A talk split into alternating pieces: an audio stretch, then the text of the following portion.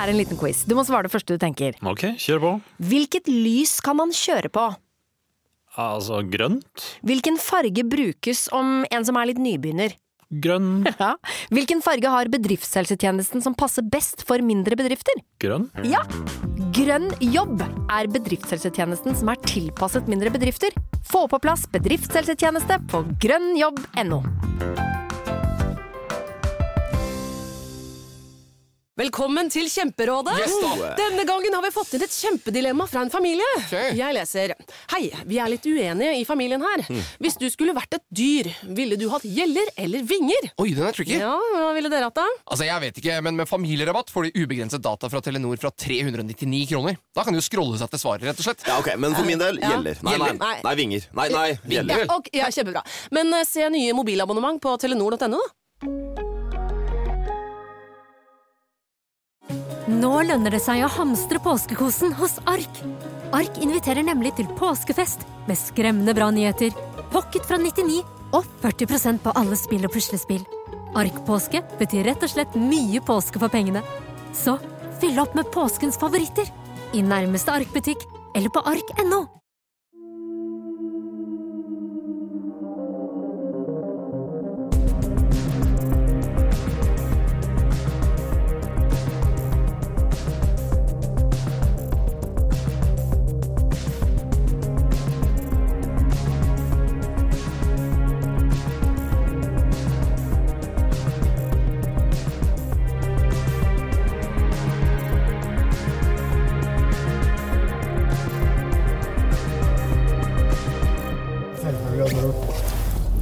spurte du. Satt du på, satt du på mikrofonen? Ja.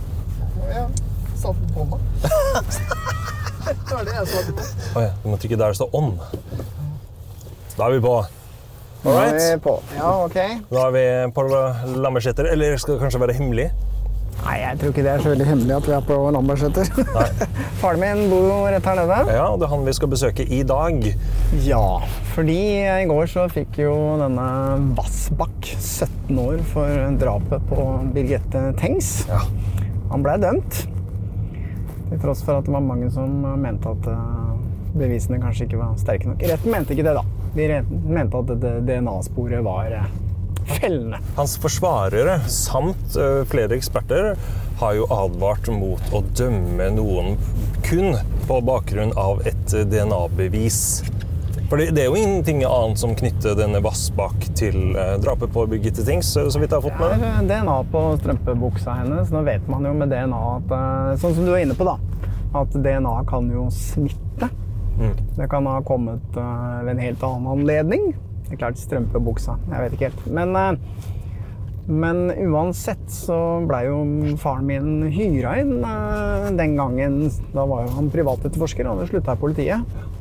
Og han ble hyret inn av faren til fetteren via advokaten, da Ja. til å gjøre en etterforskning. Og han dro jo over dit og snakka med noen folk. Og fant ut eh, ting som vi ønsker å snakke med ham om nå. Ja, Snakka med noen folk. Ja, Det vi gjorde jo noen eh, intervjuer. Kan, kan vi stå her? Vi kan stå her. Gjesteparkering. Koster det penger? Nei. Koster ikke penger. Herlig. Åssen går det med Leif han nå, da? Er han frisk? Nei, det går bra med han. Han er uh, frisk. Ja. Han løper ikke så mye lenger, men bortsett fra det så går det bra. Eh, Grunnen til at vi er her nå, er for at jeg var jo oppe hos han. Jeg er jo oppe hos han hver søndag, og vi satt jo og snakka om disse tingene. og Da mener jeg husker han sa at han var ikke overbevist om at Vassbakk eh, var den skyldige. Nei. Man skal, man skal liksom være forsiktig i Norge og si sånne ting. Du ser de som eh, gikk ut og sa til Viggo Kristiansen Det var ikke nødvendigvis at eh, han var skyldig. Kanskje han er uskyldig. Det ble jo høvla ned hvis du sa noe sånt for fem år siden. Ja, du blir jo veldig upopulær. og skjønt, Vi snakka med Knut Olen, og han var ganske tydelig på at det var jo ikke veldig eh, akseptert innad i politiet at man kritiserte politiet. Nei, nei. Man kritiserte dommer. Og som vi har påpekt mange ganger før, så vi får jo ofte det argumentet med at eh, ja, men det er jo en rettskraftig dom, så les dommen. Der står sannheten. Men eh, det er jo ikke alltid sånn. Og eh, det som også er interessant, er jo at eh, moren til eh, Birgitte Tengs hun mener jo at eh, Vassbakk ikke er skyldig. Nei, men øh, hun mener jo òg at det er fetteren. Fortsatt, ja. Hun har, det òg jo egentlig litt sånn trist er jo story, trist. det. da. Men det er jo noe med at du låser det til noe. Du går rundt og har blitt fortalt en sannhet da, i gåseøynene i 25 år. Og så det er vanskelig å gå bort ifra det. Ja, særlig fordi at eh, den sannheten har jo splitta den familien fullstendig. Ja, det var helt Sånn at, rasert. eh, forhold. Å gå tilbake på det nå og liksom stå og si unnskyld til en fyr du har vært overbevist om har tatt livet av dattera di i 25 år Uff. Da. Da er vi i korridoren til Leif Alier. Hei, pappa. Her lukter det nyvaska. Her lukter det nyvasket, sier jeg. Hei, Leif. Hei. Takk for sist. Jeg fant heldigvis på en eller annen merkelig grunn klarte å finne disse dokumentene. Ja. Jeg har jo ikke så mye dokumenter, men plutselig så satt jeg og tenkte Kan det ligge under her? i Nei, dokumentet? lå den der? Ja. Den ligger her på stua di. Jeg ligger på bordet. veldig mange år. Jeg begynte å leite etter det, da. Det er dere som kom i dag. Det er bra, det. For du vet, på den tida der så var jo dette Komset og Arvid Sjødin som var advokater for uh, fetteren. Ja, stemmer. Dette er det referatet som jeg skrev. Det er fra ja, Dette skjedde faktisk i år 2000. Ja. 30. juni Det kan vi se. 30. juni klokka 10.30 hadde jeg da et uh, samtale med Iris var hennes mor på Opel. Ja, for du ble jo hyra inn for å se på den saken, ikke sant?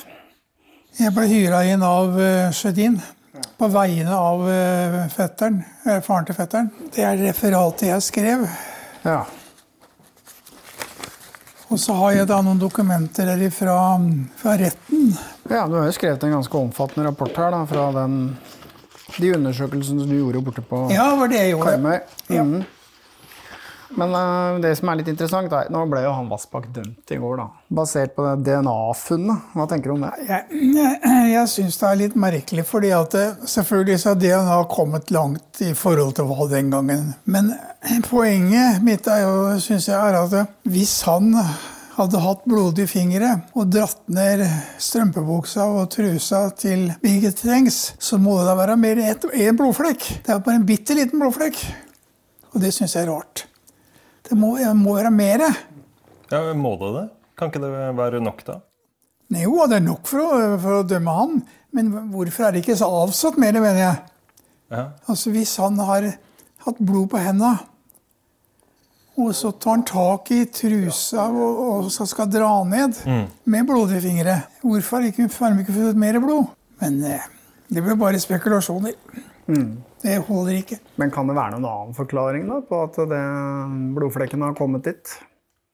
Ja, Det er det forsvarerne driver med, da, med kontaminasjon og videre. Og den gangen så behandla de jo sånne spor helt annerledes enn i dag. Men du eh, dro jo over dit og gjorde noen eh, undersøkelser og intervjuer. Og, og fikk jo en litt annen historie av en dame, var det ikke sånn? Ja, Da var det to, eh, ifølge advokat Arvid Sjødin, så var det to stykker som han ville jeg skulle snakke med. Den ene hadde ikke noe Det ble ikke, det ble ikke noe mer enn en liten samtale. Jeg skrev ikke noe referat. Og det andre, det var hun som da kjente en narkoman som heter Som vi kaller for Hansemann. Navnet hans står for øvrig der. Ja, Jeg tror kanskje vi ikke skal si Hans Nei, jeg må ikke si det. Han er død. Hansemann. Vi bruker bare Hansemann. Ja. Han er død, og vi- jeg vil ikke bruke navnet eller Hele poenget er at eh, hun forteller denne historien til meg. Og hun, var, hun hadde jo rett etter hadde hun skrevet et notat om dette. Men så ble jeg redd for å beholde det, så hun kasta det. Men hun varslet jo lensmannskontoret på Karmøy om at hun hadde opplysninger, for folk ble oppfordret til å henvende seg. Men det har aldri vært under politiavhør. Det var ingen som var interessert i det. Og han, eh, etterforskningslederen Hans Ståle Finsal, hun var jo i kontakt med han, men han avviste henne fullstendig. Så hun fikk aldri avgitt noen politiforklaring. Og det er også litt Det var en elendig etterforskning, for å si det mildt. Det er helt utrolig at politiet kan gjøre så dårlig arbeid. Så den dama her, hun gikk til politiet like etter drapet? Etter drapet så gikk jo politiet ut og ba folk å melde seg som hadde opplysninger. Hun mente han hadde opplysninger. Og hun eh, tok da og ringte til Karmøy lensmannskontor og snakket med en mann, sier hun. Jeg vet, husker ikke mer enn det, ja, hvem han var, husker ikke navnet hans eller noen ting. Og han noterte ned, sa og så hørte jeg ikke noe mer. Hun ble ikke innkalt til noe avhør. Og så fulgte jeg med på dette saken, og så ble jeg så interessert i det at hun etter hvert begynte å skrive også ned disse tingene som hun husket. Og eh, hun tok også da kontakt med etterforskningslederen for Kripos, Ståle Finnsal. Og han var sint og ergerlig, og alt dette fremgår der. Han var sint og ergerlig, han ville ikke ha noen tips? Nei, altså de, Mitt poeng i dette er at den gangen så hadde jo da etterforskningsledelsen de hadde bestemt seg for at det var fetteren. Og ja, så det at eh, noen andre kom med andre opplysninger, det var egentlig bare irritasjonsmomentet, da? Ja, det var ikke interessant. Nei. Og det ble tunnelsyn til de grader, som vi har sett i Thomas Quick-saken osv. Hun ble aldri avhørt, og hun fant det veldig rart. Da. Så da hun kontaktet politiet igjen og snakket da med Ståle Finnsal og ble avvist. Men da du snakket med henne, kan ikke du bare Vi har det jo der, men det er fint at du forteller det også. Hva var det hun fortalte? Man kan kanskje bruke dette som støtte. Det Det er tross alt nå Det er noen år siden. 22-23 år siden jeg snakka med Ja, ikke sant. Eh, Skal vi kalle henne noe annet, eller? Nå sier vi navnet hennes uh, mye. Vi, vi, vi kaller henne bare for vitne fra nå av. Ja. Og hun forteller jo da at eh, Skal vi se Han hadde vært ute om kvelden, ja, og så kom det og Gjestene hadde gått, og sammen med mammaen sin da, satt de og prata en stund sammen da, og skulle legge seg. Vi antar klokka var senest 02.30 om natta, så banka det på døra. Og da åpna de, de døra, og så det, det var Hansemann som hadde banka på. Hun kjente Hansemann godt, for hun var i Indremisjon og hadde drevet med sosialt arbeid og har vært masse i kontakt med Hansemann, så kjente han. For Hansemann var en som hadde behov for litt ekstra hjelp i hverdagen, eller? Ja, i den forstand at han, var, han drev med stoff og var i kontakt bl.a. Med, med hjelpesystemene. Da. Og øh, hun kjente han veldig godt. Hun brukte uttrykket 'han stormet inn' i huset, samtidig som han gjentok flere ganger 'hva er det jeg har gjort'? Hva er det jeg har gjort? Hun spurte hva han hadde gjort, og svarte han det kunne han ikke fortelle. Han trodde, Først hun trodde at det var, han hadde gjort noe med forloveden sin. Men da svarte han at det var fint at hun var hos faren sin. Han gjentok flere ganger dette her. Hva er det jeg har gjort? Hun prøvde å roe ned og, og holdt rundt den. Og, men det hun reagerte på, han lukta så godt. Han virka nydusja. Ok, ja, Det er jo kanskje litt sånn uh atypisk for uh, rusmisbrukere? Eller? At de Ja, det er jo klart at det, klokka 2.30 om natta, nydusja. Hvorfor hadde han dusja? eh, hadde vært i dusjen? Så husker hun at han bet tennene hardt sammen, tok av seg brillene sine og knuste dem med henda. Ok.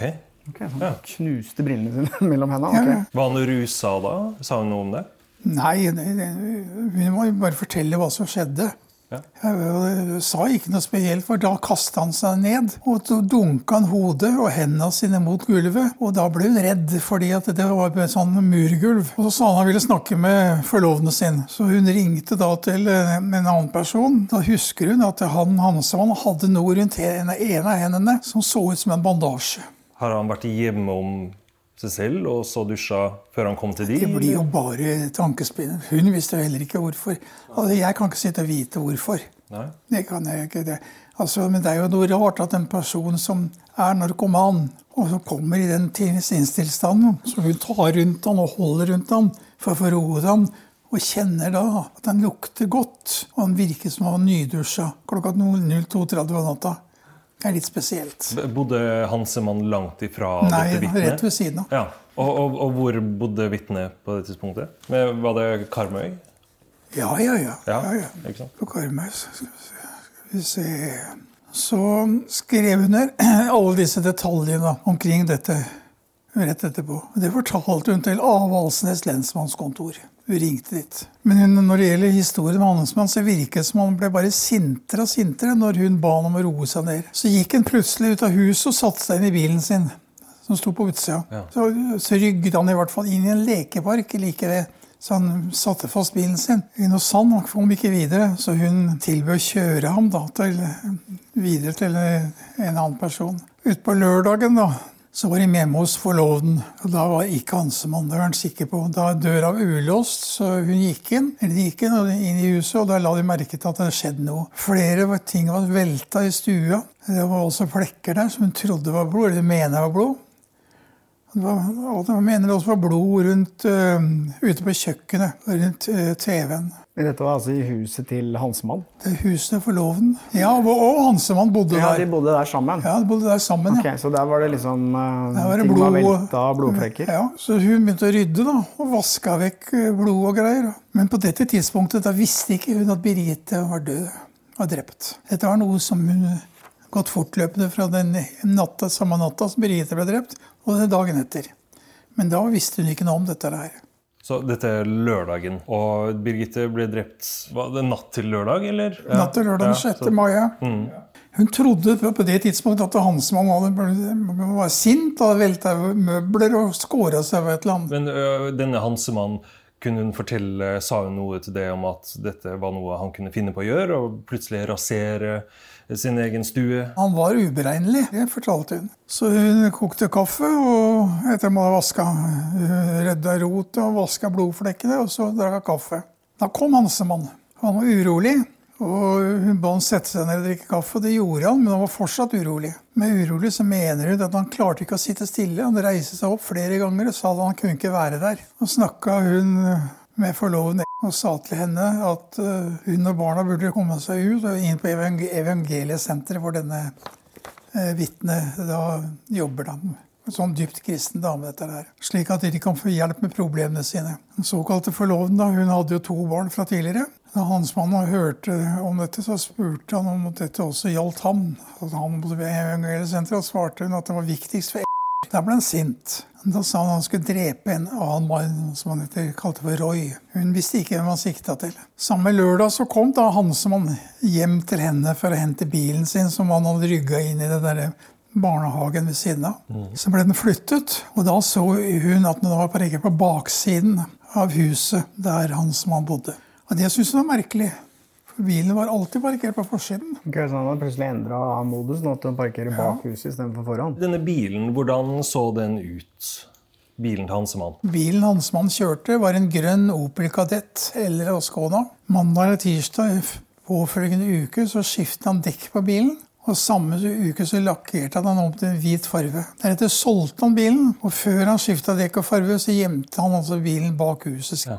Men denne bilen, har du hørt noen si at den var spesielt slitt i lakken? Som, Nei, nei. nei, så ikke noe sånn åpenbar grunn for at Nei, den nei, burde omlakkeres for et salg? nei. nei.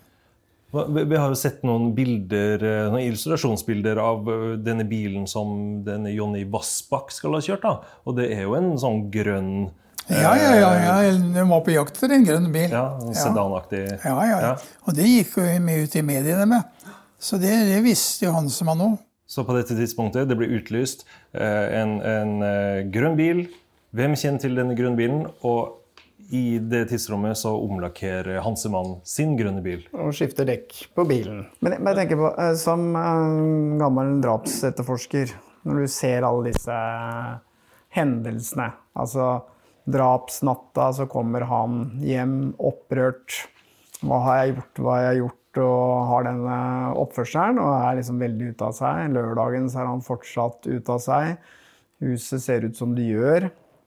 Eh, og i dagene etterpå så omlakkerer han bilen, skifter dekk, selger den. Altså, Hva ville du tenkt hvis du var etterforsker i en sånn sak? Nei, altså, he hele poenget er at det, som jeg sa i stad, at her har altså politiet bestemt seg for at det var fetteren som var drapsmannen. Og har altså helt åpenbart sett bort fra alle andre etterforskningsskritt som burde vært gjort. Riktignok så har da altså Hansemann ifølge seg sjøl vært inne til to avhør, men han hadde ikke langt hår, han var ikke interessert i fortalte han. Så det var liksom eneste årsaken til at eh, han ble da Han var ikke noen interessant person? For Nei, fordi at han hadde ikke langt hår. For de hadde altså funnet ut gjennom undersøkelsen altså tydeligvis at eh, drapsmannen hadde langt, lyst hår. Og er det ikke sånn at nå i dag så har de funnet at, eller konkludert med at det hårstrået mest sannsynligvis eh, stammer fra Birgitte selv? Ja, ja, ja. ja. Nå er det. Nå har ikke jeg fulgt denne saken så veldig nøye, men eh, du, vet du om eh, disse opplysningene om forsvarerne brukte det i det hele tatt og så noe tvil om Vassbakk sin skyld? For Jeg vil jo tro at eh, det burde vært et tema fra advokatene sin side i rettssaken for å så tvil om Vassbakk sin skyld. da. Ja, Men samtidig så er det, sånn, det er veldig enkelt å legge skylden på en død mann. Mm. Og det er jo ikke det de er ute etter. Skal å, dømme noen døde. De vil jo gjerne ha Nei, De er vel ute etter å finne sannheten, er det ikke det? Ja, er de det? Er de det? ja. Og når du leser, Jeg har ikke lest denne dommen, men jeg hørte litt på TV. Så um, sier jo langmannsretten mot Jonny Vassbakk at uh, fetteren er fullstendig ute av bildet. Men det er ganske ille for fetteren som har sittet med dette nå i snart 30 år. Den saken eh, raserte jo eh, denne familien. Eh, ja. og, men fremdeles den dag i dag, 25 år etterpå, så mener jo moren til Birgitte Tengs at det er fetteren da, som ja, ja, står bak det her. Har du vært borti noe lignende? At en pårørende, Nei. til tross for frifinnelse Nei, det har aldri vært borti. Det er eh, det er litt rart, for dette er jo et ektepar som fremdeles bor sammen og er sammen. Og faren sier jo da, ifølge mediene, sier jo det at han er blitt mer og mer i tvil. I begynnelsen var han sikker på at det var fetteren han òg. Nå er han mer i tvil når han hører om dommen mot Vassbakk. Mens eh, kona hans, mora til Birgitte Tengs, nei, hun er helt sikker. Det er fetteren som er skyldig. Det er han som er drept. Det har jo splitta den familien der i 25 år, så det er klart at det er jo sikkert veldig vanskelig å akseptere at man har tatt feil. Da. Noe som har ødelagt en hel familie, og da skulle liksom gå og si beklager. Det sitter vel ganske langt inne, tror du ikke det? De har ikke snakka sammen på 25 år, vet du. Det er, eh, hele familien er ødelagt. Mange liv som er ødelagt her. Men uh, som jeg sier, at uh, det er en usedvanlig dårlig politietterforskning. Så kan man si at på den tiden så hadde de selvfølgelig ikke de mulighetene med DNA som man har i dag. Men uansett det, liksom presse fram en tilståelse av en person som ikke har gjort det, og ikke da fått etterforsket alle de andre sporene. Selvfølgelig har de etterforsket, som det fremgår her. De har jo snakket med Hansemann, to, eller avhørt han to ganger. Men han, eh, som man sier, ifølge seg sjøl den gangen, da, han hadde ikke langt hår, så han var ikke interessant. Og det er godt å være etterpåklok, selvfølgelig. For Ståle Finnsand hadde jo ingen mulighet til å vurdere dette når man ikke visste hvor det håret kom fra. Det har man først funnet ut nå i 2017 da. gjennom eh, DNA-analyse av håret. at det sannsynligvis er Birgitte Tengsens hår. Men på den tiden så kan ikke politiet bebreides for at de trodde at det var, hennes, at det var gjerningsmannens hår. For det var jo sannsynlig den gangen. Men det at de ikke gikk bredere ut med etterforskningen, det er én ting. Men avhørene er helt kritikkverdige. Forferdelige avhør. At det går an å gjennomføre noe sånt avhør. Vet du om det ble tatt DNA av denne Hansemann? Vet ikke noe om det. Men uh, hvis det ble tatt eh, DNA av Hansemann, tror du man kunne brukt det i dag til å finne ut noe mer om hans tilknytning til denne saken? Det er mulig. Men med dagens teknikk så kan du finne ut mye, mye mer. Men eh, som sagt, det eneste altså, Jeg har ikke lest dommen, jeg bare hørte på han lagmannen sitte og lese opp en god del. Men det som jeg er eh, litt skeptisk til, det er at det, eh, hvis eh, Jonny Vassbakk har kvalt henne, slått henne eh, så mye med stein, med masse blod på hendene, og så skal han gjennomføre da en voldtekt og så drar ned da strømpebuksa og trusa. Det må være mer blod enn bare den ene lille flekken. Så for mitt vedkommende så vet jeg ikke, men oppførselen til Hansemann er så spesiell når han kommer inn natta klokka halv tre om natta, eller cirka det. Hva er det jeg har gjort? Hva er det jeg har gjort? Og så kaster seg på gulvet, tar brillene av seg, knuser dem i hendene. Og etterpå så har han da også lakkert om bilen, skifta muligens dekket på bilen. Han begynte å parkere bilen bak huset, der han alltid sto på forsiden. I skjul. I skjul, ja. Mm. Om han er skyldig eller ikke, det vet ikke jeg, men eh, nå kommer hun til, forsvareren til å kjøre veldig hardt på forskjellige ting, og jeg holder ikke for utenkelig at vi kan få en frifinnelse i lagmannsretten. Mm. Det er jo veldig interessant det du har fortalt nå om denne Hansemann. Ja. Som uh, har en veldig mistenkelig oppførsel uh, denne drapsnatta.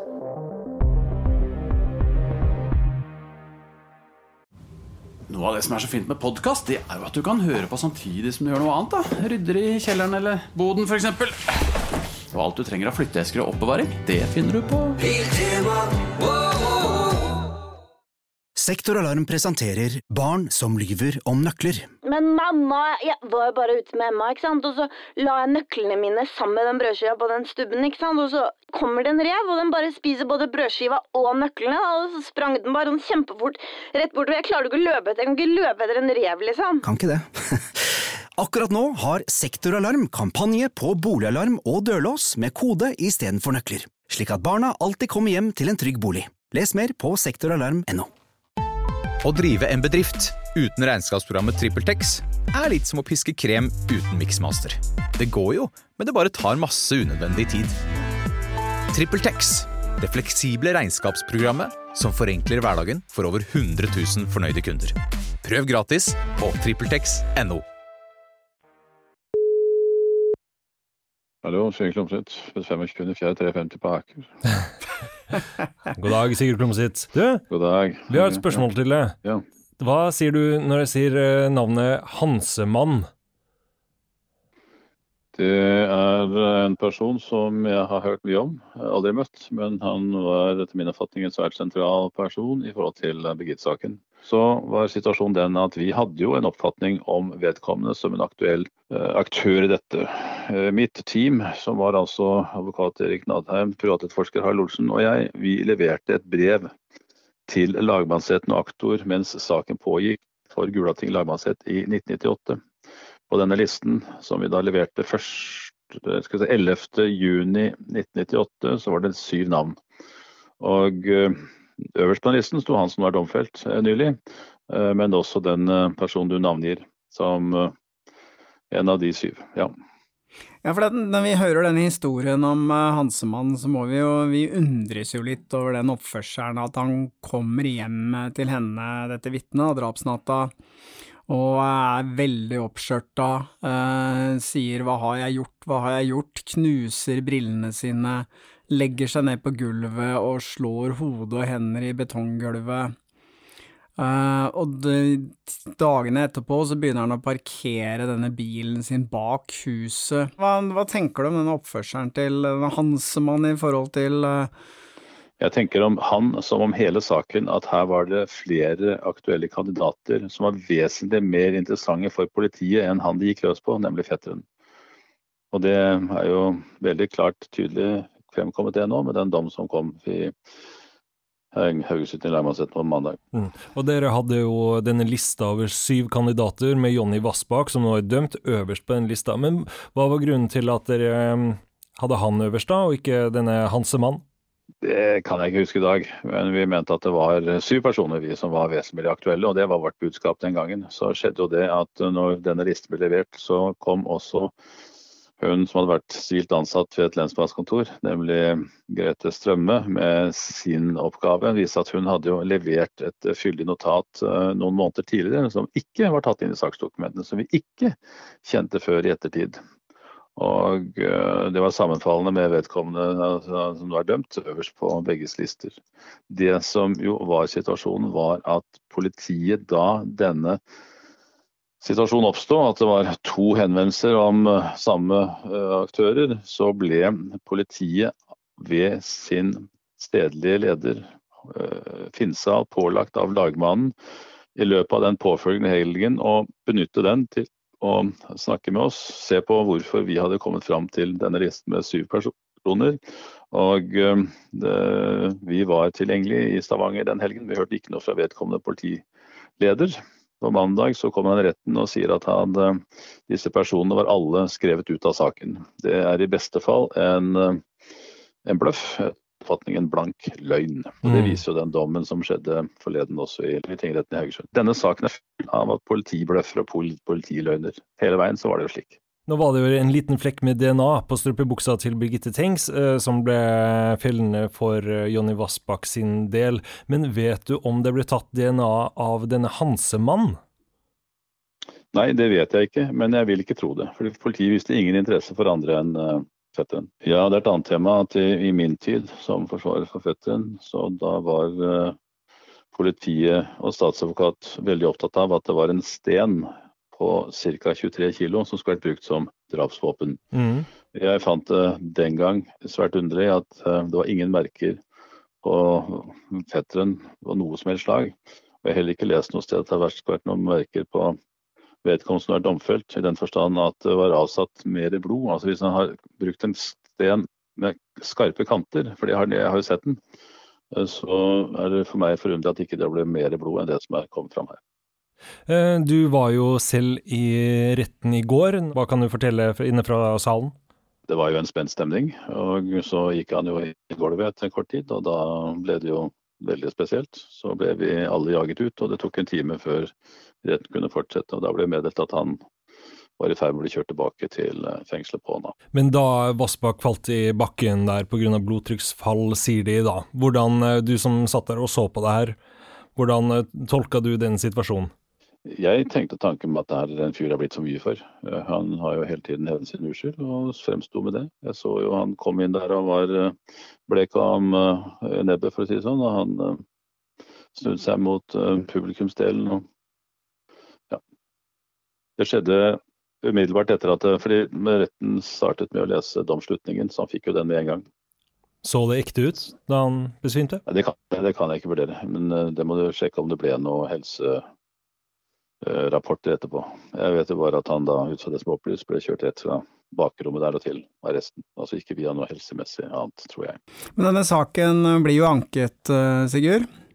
Hva tror du forsvarerne kommer til å kjøre på i ankesaken? De samme tingene, eller tror du det kommer til å komme opp eh, andre ting? Jeg vil tro at de kjører mye av det samme. Det er jo DNA som er eh, viktig her. Nå var det jo mye begrunnelse i dommen for hans historie, og den kom han jo ikke bort fra.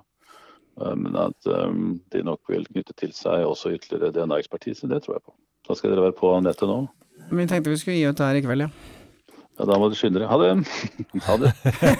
Takk skal du ha, Sigurd. Ha det. Det. Det her er jo et eh, interessant lite innspill til eh, denne saken som aldri tar slutt. Her kommer vi med en liten eh, alternativ eh, teori innenfra fra sida dagen etter, eller to dager da, etter dommen. Ja, det er jo ikke sånn at vi eh, sitter her og sier at eh, dommen mot Vassbakka Vassbakk er feil, det har vi ikke noen forutsetning for å si i det hele tatt, men eh, som du sier, eh, det er jo interessant denne historien om Hansmann, og eh, jeg skulle gjerne visst hva som egentlig skjedde med Hansmann den natten som medførte at han gjorde alle de tingene, og i etterkant eh, omlakkerte og solgte bilen sin. Ja, det har vært retta massiv kritikk mot politiet oppe på Karmøy der, og når vi hører din far fortelle om dette vitnet som forsøkte å fortelle om det her til politiet, og hun ble avvist, det er ikke bra. Det er ikke bra i det hele tatt. Eh, en ting kan vi kanskje si helt til slutt, at eh, endelig punktum for denne saken eh, er vel ennå ikke satt.